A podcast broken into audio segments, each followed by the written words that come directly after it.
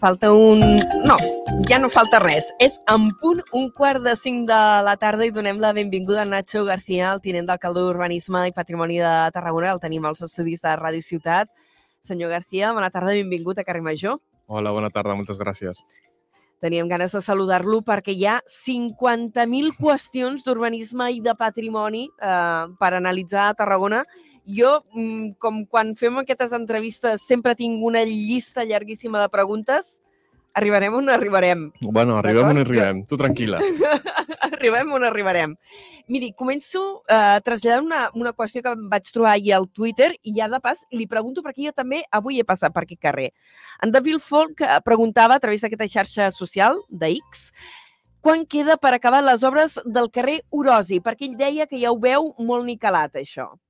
Sí, sí, de fet li vaig, li vaig contestar al, al David. Ah, li va contestar i no vaig sí. veure la resposta. li vaig contestar. Bé, les obres, el que és obra civil, estan gairebé enllestides amb un 99,9%. Falten alguns elements decoratius de, del carrer, de, unes jardineres que s'han retrasat doncs, per un tema de proveïdors, però com el carrer, diguéssim, físicament està, està acabat, doncs estem buscant data per fer, no un acte inaugural, perquè no, no el podrem fer fins que no arribin aquestes eh, jardineres, però sí un, un acte de posada en marxa no, d'aquest carrer perquè la gent ja el pugui gaudir al, al 100% i quan arribin aquestes jardineres doncs ja les acabarem de, de posar.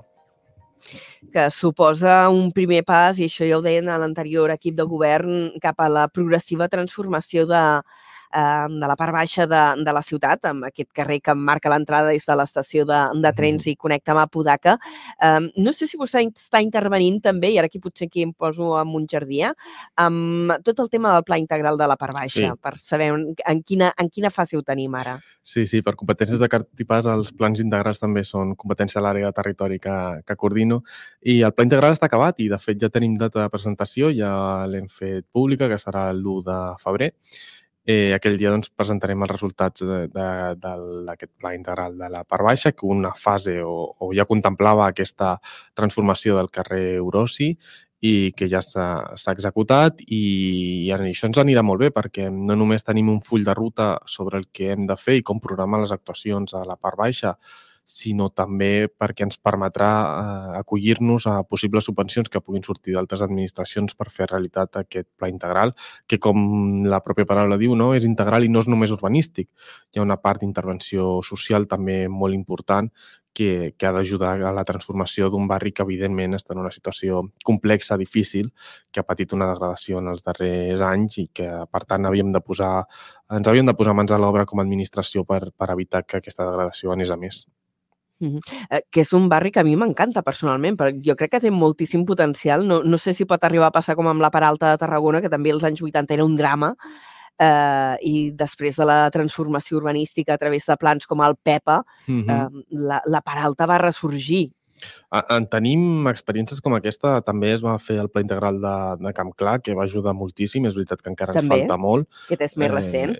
Però el pla integral de Camp Clar, que va suposar una renovació urbanística de voreres, d'enllumenat, també de, de nous equipaments amb el centre cívic del barri, el punt de trobada que ara gestiona la Fundació Onada, és a dir, experiències de, de transformacions urbanístiques que ajudin a evitar la degradació i a millorar eh, les condicions de vida de la ciutadania, doncs en tenim moltes i només calia aplicar-les. No? En aquest cas, el pla integral e, era el pla integral de la part baixa és, és un exemple.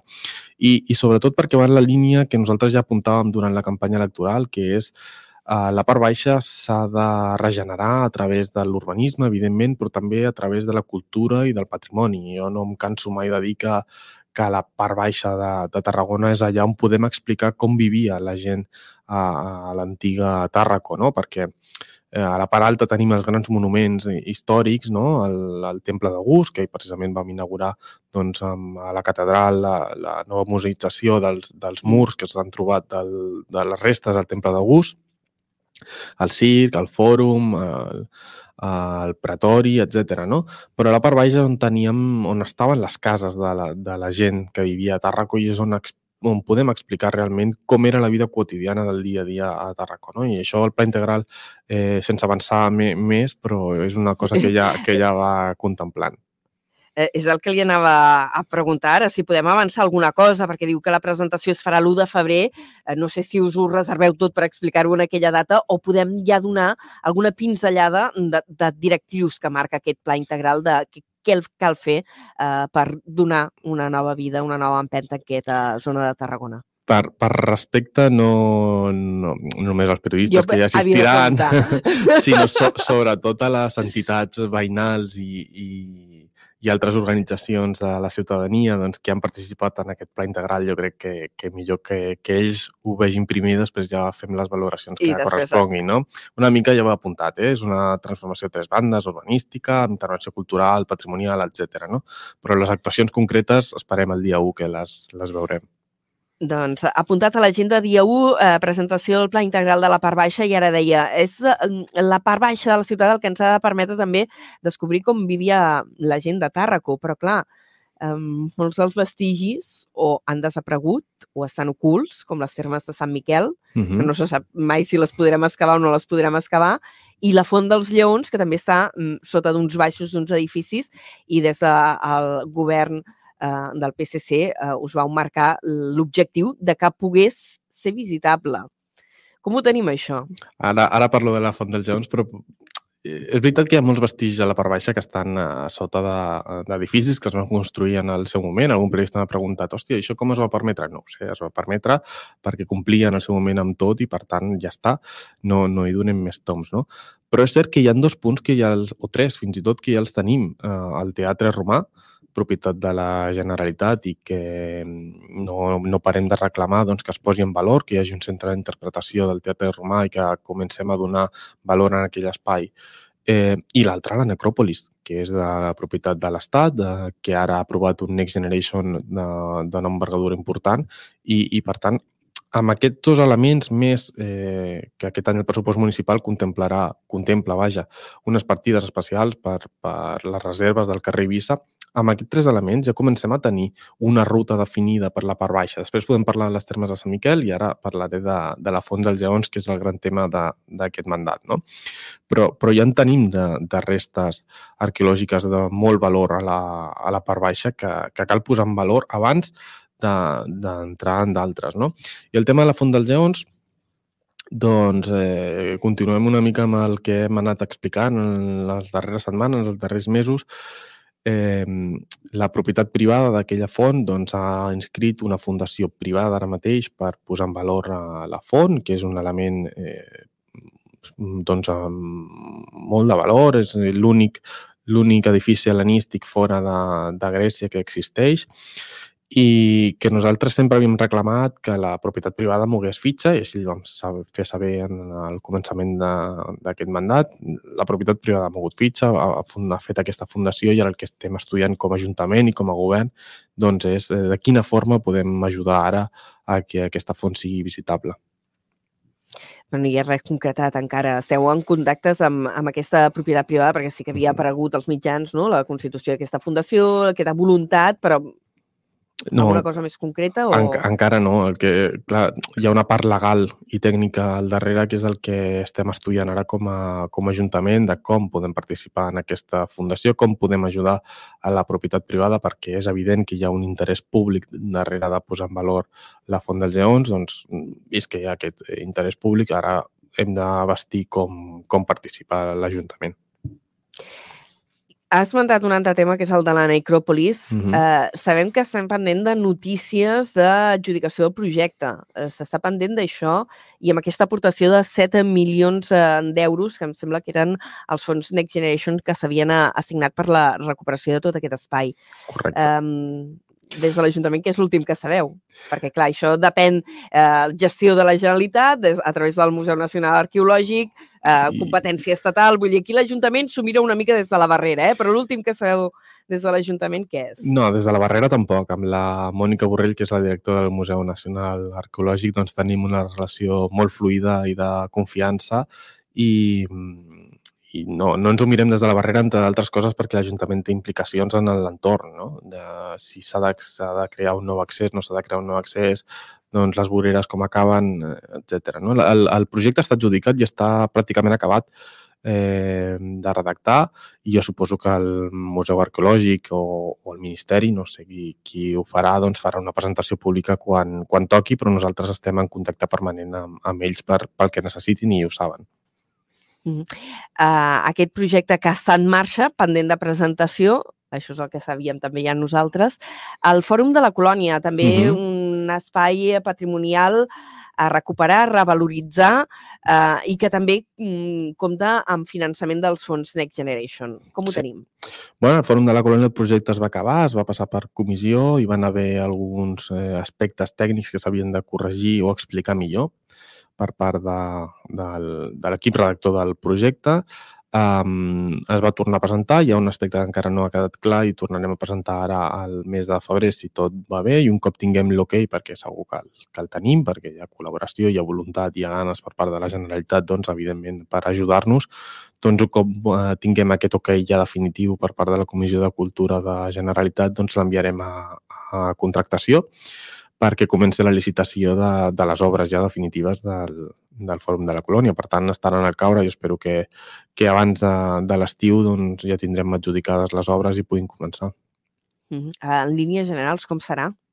Com canviarà aquest espai? Canviarà molt. Imaginar? Canviarà molt, no només l'espai, sinó també l'entorn. És una intervenció integral també al, a l'entorn, al carrer Cardenal Cervantes, que ampliarà eh, voreres, i el que canviarà principalment serà l'accés. Ja no serà pel carrer Lleida, sinó que serà pel propi Cardenal Cervantes, més enllà de... Sí, una entrada molt més frontal, no? Ens, ens hem d'imaginar no? que és com una peça eh, rectangular, al Fòrum de la Colònia, ens entraríem per mm -hmm. la part de davant, per la part més llarga. Ah, efectivament, ara s'entra per, per un, pel costat més curt. Hem de hem de concebre doncs, que el Fòrum de la Colònia serà la porta d'entrada a l'illa Corsini que ja s'ha anat construint i que, i que a poc a poc anem, anem fent. No?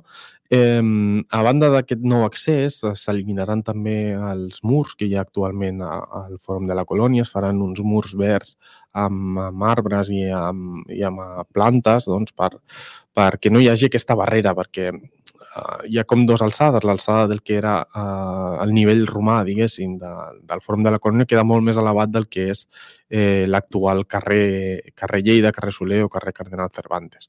Aquest serà el principal canvi i l'altre serà que desapareixerà el pont que passa ara mateix per sobre eh, es canvia per una plataforma a peu pla eh, que sigui accessible. Ara mateix aquell pont doncs, no ho és i serà una plataforma accessible per, perquè la gent amb discapacitat també pugui gaudir del, del patrimoni. I després hi haurà la intervenció arqueològica evident, el canvi museístic i museogràfic del, del monument, que això s'està acabant de definir, però a grans trets, a nivell urbanístic, diguéssim, els grans canvis seran aquests uh, d'intervencions de patrimonis que en teniu tantes en marxa perquè també s'està fent la restauració uh -huh. um, dels murs del Pretori, que hi havia hagut alguns uh, despreniments. Ara ja s'ha acabat un mur, s'està començant per un altre, com, com va? Bueno, eren les tres façanes, la que toca baixada peixateries, eh, més o menys, la que toca també cap al circ i la de la plaça del Rei.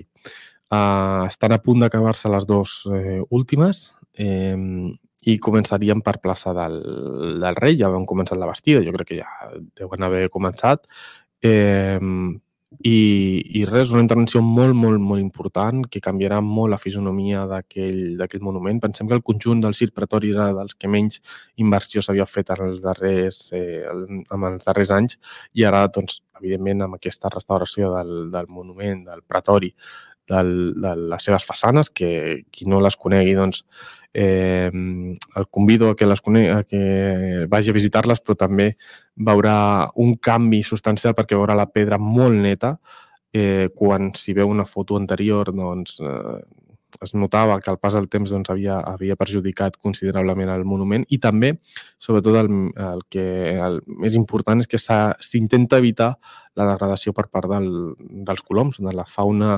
autòctona gairebé de, de la ciutat, no? que havien fet molt de mal al monument i ara s'han tapat tots els, eh, els espais que quedaven buits i on els coloms hi podien eh, accedir doncs tot això s'ha tapat, mantenint la cromàtica del monument i, i seguint les instruccions doncs, dels experts, però s'ha anat tapant per evitar que els coloms agradin més.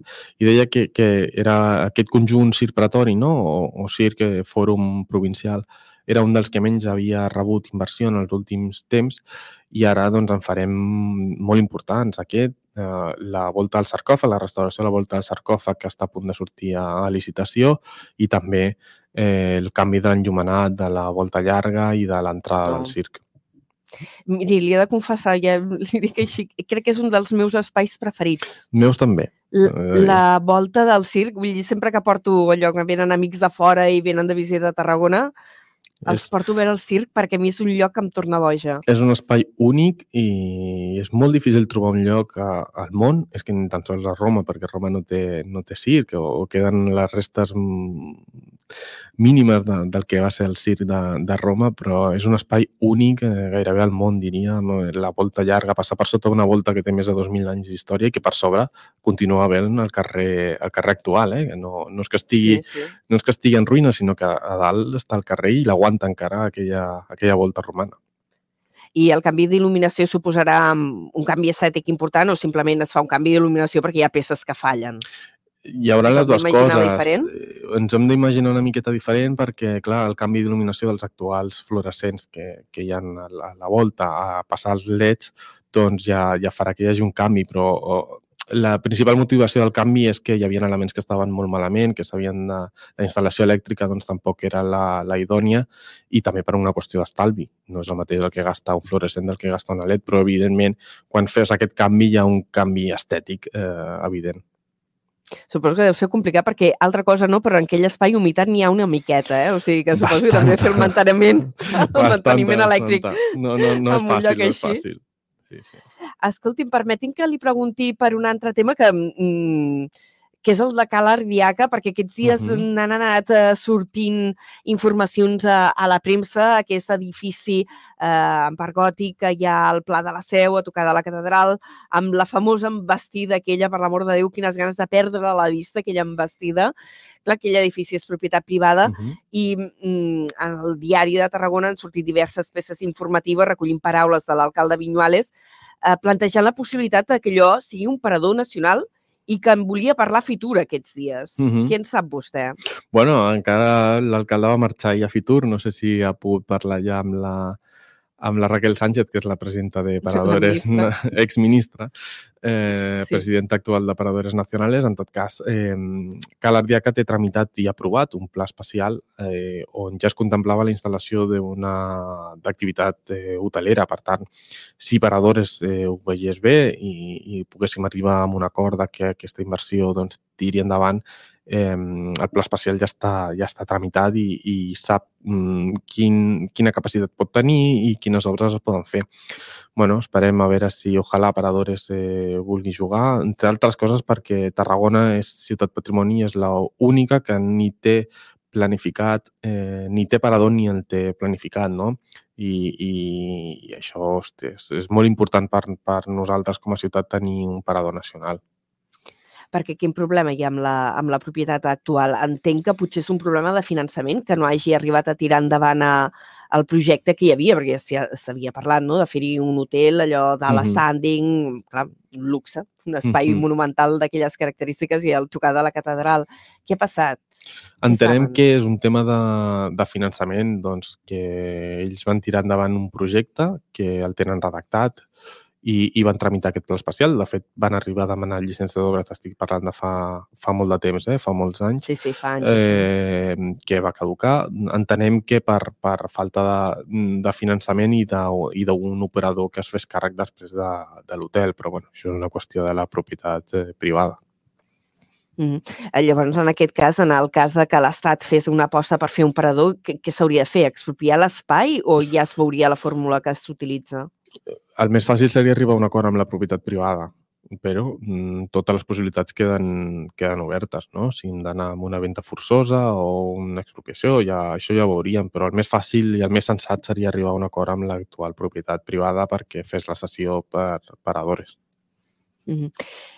Uh, li demano que, que canvi de barret. Li seguiria preguntant qüestions de patrimoni, però vull parlar també d'algunes qüestions d'urbanisme. No, no sé si el canvio gaire, estan... eh? perquè això de l'Ardiaca és una cosa entre gestió urbanística, disciplina i patrimoni que al final sí. tot, tot està barrejat. de tot, no? Sí, sí. De, però ara ens centrem més en l'urbanisme perquè aquests dies també van apareixent informacions i ha anat parlant del Pla d'Ordenació Urbana Municipal, mm -hmm. eh, que esteu en procés de, de reforma. Eh, L'alcalde també va passar tot just fa uns dies a, um, pel programa de, de Ricard Laoz a, a Ràdio Ciutat de Tarragona i deia que estarà l'any vinent. En quina fase el teniu de, de redacció? Bueno, l'any vinent Perquè... esperem tenir l'aprovació inicial del, del POM, que després vindrà tot, la fase de delegacions, tots els eh, informes sectorials, etc. I, i l'aprovació definitiva serà una mica més llarga. Esperem l'any que ve tenir la- l'aprovació inicial de, del POM. que s'ha hagut de refer perquè en el seu moment l'empresa CLH, que, que el pla d'ordenació urbana que s'havia Mhm. aprovat anteriorment, eh, establia que se n'havia d'anar d'allí on és ara, a tocar del riu Francolí, a l'entrada de, de Tarragona, eh, va presentar denúncia judicial, la justícia li va donar la raó i va tombar aquell planejament urbanístic i torna a començar a zero. Estem en aquesta fase negociacions amb l'empresa, amb CLH, perquè, clar, el problema el tornem a tenir damunt de la taula, no? L'empresa se n'haurà d'anar d'allí eh, i, clar, s'ha d'evitar també que no tornin a al·legar una altra vegada contra eh, un pla urbanístic que ja tingueu fet. Eh, com estan les negociacions amb l'empresa? Bueno, ens vam reunir l'alcalde i jo mateix amb, amb la direcció de l'empresa, en el qual doncs, vam mostrar la voluntat de que eh, CLH havia de marxar d'allà. És evident que en una zona que cada vegada té més pressió urbanística, que cada vegada és, és més trama urbana eh, consolidada, doncs no, no té cabuda una, un negoci d'aquest tipus com és la CLH.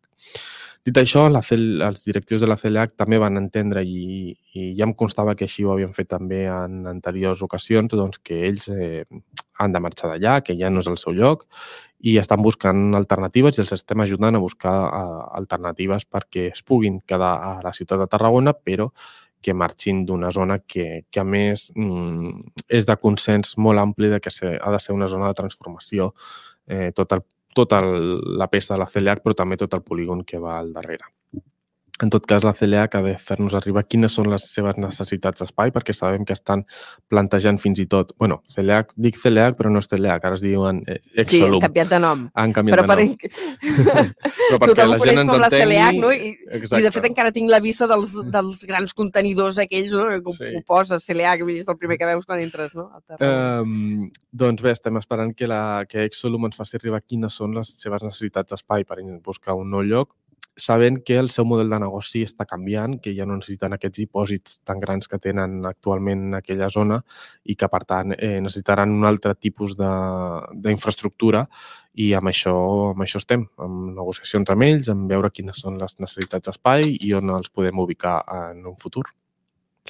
Eh, I trasllat de Cèlia aquí una qüestió que s'ha posat sobre la taula en aquest procés de redacció del Pla d'Ordenació Urbana, que jo quan ho vaig sentir la primera vegada em vaig esperar bastant, que és el possible trasllat en un futur, perquè clar, això no ho veurem en quatre dies, de l'antiga laboral. I avui, precisament, eh, a l'Agència Catalana de Notícies, recollint paraules del president de, del Port, en Saúl Garreta, ell diu que no ho veuria malament, que més seria la possibilitat de mm, creixement, entenc també per terrenys portuaris, perquè és la tocada del Port de Tarragona, fins i tot hi veia la possibilitat de que la CLH anés allí, no?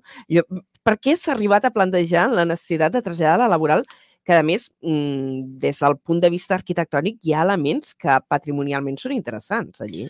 interessants i protegits eh, per, per catàleg de, de béns de, de l'Ajuntament.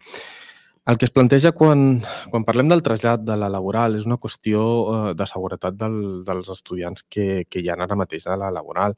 Estan en una zona complexa, per dir-ho d'alguna forma, amb el polígon químic a, a tocar, amb l'activitat portuària al costat, i eh, quan nosaltres diem sense presses, però que el nou POM del 2024 o del 2025 que, ha fet la, que està fent l'Ajuntament de Tarragona doncs ha de contemplar un espai alternatiu per, per la laboral, ho fem per això, perquè creiem que, que per seguretat del, dels estudiants. Això no significa que demà pugui passar alguna cosa, eh, que ningú ho malinterpreti, però sí que, evidentment, a, a mig i llarg termini ens hem de plantejar que, que la laboral comenci a, a marxar d'allà i s'instal·li en un altre lloc. I, i és aquí on amb tota la discreció del món, eh, com no pot ser d'una altra manera, hem d'anar parlant amb Generalitat, que al final són els competents en la matèria, hem d'anar parlant amb ells per, perquè les alternatives que nosaltres hem anat buscant d'espai a la, a la nostra ciutat, doncs a ells els encaixin, els encaixi la que volen marxar i, i per tant, posem mans a l'obra i que el nou POM eh, ho contempli. perquè la possibilitat que es planteja és que vagi cap a la zona de Ponent, no? cap a la zona de la Floresta o per aquella banda de la T11. Mm, jo nosaltres sempre hem cregut i, i continuem creient des de fa molts, molts anys que el, el creixement urbanístic per Ponent havia arribat al seu límit i amb el PP10 doncs, doncs gairebé hi, hi ha arribat. Encara ens quedaran alguns sectors de creixement, però ja ha menors. I el que havíem de fer era omplir els forats, amb el bon sentit de la paraula, entre els diferents barris de, de Ponent i també cap al centre amb equipaments. I quin equipament més important que té la ciutat que, que la, que l'antiga universitat laboral, no? que el complex, el complex educatiu. educatiu. I, per tant, eh, per això hem mostrat sempre la voluntat de que, de que aquest equipament vagi a la zona de, de Ponent. La ubicació definitiva és un tema que haurem de tractar amb generalitat. Eh, L'anterior equip de govern va posar una opció sobre la taula, que era entre Bonavista i Camp Clar, eh, que està allà damunt, i nosaltres en proposarem una altra a la Generalitat, que és aquesta ubicació del Pla Parcial Nou, l'antic Pla Parcial Nou, que és una zona urbanitzada, que és la que queda per darrere de les Gavarres, de, damunt de, de l'Albada i, la, i la Floresta, que no es va desenvolupar urbanísticament mai, tot i que està urbanitzat a nivell de, de carrers i de serveis, però que no es van instal·lar mai cap tipus d'empresa i, per tant, eh, podria ser una de les alternatives que, que tenim. Això, en qualsevol cas, tardarem molts anys a veure, ho entenc no és d'avui per demà. Home, no, jo sempre dic el mateix, no esperem a que el POM el dia següent d'aprovar-ho ja es traslladi la laboral, la CLA que hagi marxat i que tots els pisos de, que estem plantejant estiguin construïts. Això no passarà. Però és evident que si no ho fem ara, si no tenim ara les previsions per, perquè aquest trasllat pugui succeir, així, això segur que no passarà. Si no ho tenim ara previst, no passarà mai. Eh, una altra cosa és que després triguem 5-10 anys a, a fer-ho realitat, no? però, però el POM que marca la ciutat que volem en, els propers, en les properes dècades, perquè un POM té una vigència molt llarga, doncs ha de contemplar aquest trasllat sí o sí. Per això ara tenim obert aquest, aquest debat. Uh, senyor Garcia, se'ns està acabant el temps de l'entrevista. Déu-n'hi-do els temes que hem tingut temps de tractar. Uh, però vostè ara també ho esmentava així de passada. Les obres d'urbanització, el PP10 com uh -huh. la seria el PP10, eh? Situem-ho eh, geogràficament a la zona de darrere de Camp Clar, a prop de l'anella mediterrània, on uh -huh. en el seu moment es va dir que aniria l'IKEA, que no ha acabat sent IKEA, és el Tembrinke, també un centre comercial de, de grans dimensions. Eh, tot això està en marxa, com va? Està molt en marxa. L'Hospital de Viamet, doncs, eh, si passeu cada dia, cada dia el veureu diferent, perquè la veritat és que, és que van, vamos, és super ràpid i, i cosa que me n'alegro. Sabem que Tembrin que vol començar obres, ho vaig llegir l'altre dia en premsa també, doncs eh, en breus i ojalà sigui, sigui així. I l'Ajuntament de Tarragona està fent la seva part, que és amb els solars que té, eh, d'ESMAUS, en aquest cas, Sobrevitat del Servei Municipal de l'Habitatge, doncs ja tenim compromesos la construcció de 192 habitatges de lloguer social que falta fa a la nostra ciutat, que, que ja tenim el projecte damunt, damunt la taula i que esperem que, que en breus puguin tenir la llicència d'obres per començar. O sigui que jo crec que això comença a arrencar tota aquella zona que a més ara agafa molt de valor amb la ciutat esportiva del Nàstic que s'acaba d'inaugurar i que continuarà agafant valor en els propers anys. Els pisos de protecció social, quan podrien començar a construir-se, diu que estan pendents de llicència només ja, i és obtenir llicència i poder començar obres sí, o sí, és, per algun tràmit No, no, el, el projecte, el que passa és que l'autorització dona llicència per construir eh, dos torres enormes i, i 192 habitatges doncs no serà ràpida, eh? Però, però sí, el projecte està entregat a l'Ajuntament la, i, i es van fer alguns requeriments tècnics per, per acabar-ho de, de lligar i crec que estem esperant la darrera versió, doncs, que ja ens han dit la, la fundació que els construirà, que ja ha buscat l'encaix per, per fer-ho possible i, per tant, si no ha entrat ja deu estar a punt d'entrar la nova versió i, i arrencar tot el procés de, de la llicència d'obres. Doncs moltes qüestions en marxa. Anem... Encara ha quedat alguna qüestió al tinter, però hem fet un repàs eh, molt ampli amb en Nacho Garcia, el regidor, tinent d'alcalde, eh, conseller d'Urbanisme i Patrimoni de l'Ajuntament de Tarragona. Li agraïm moltíssim que ens hagi acompanyat avui a Carrer Major. A vosaltres, moltes gràcies. Fins la pròxima. Adéu-siau.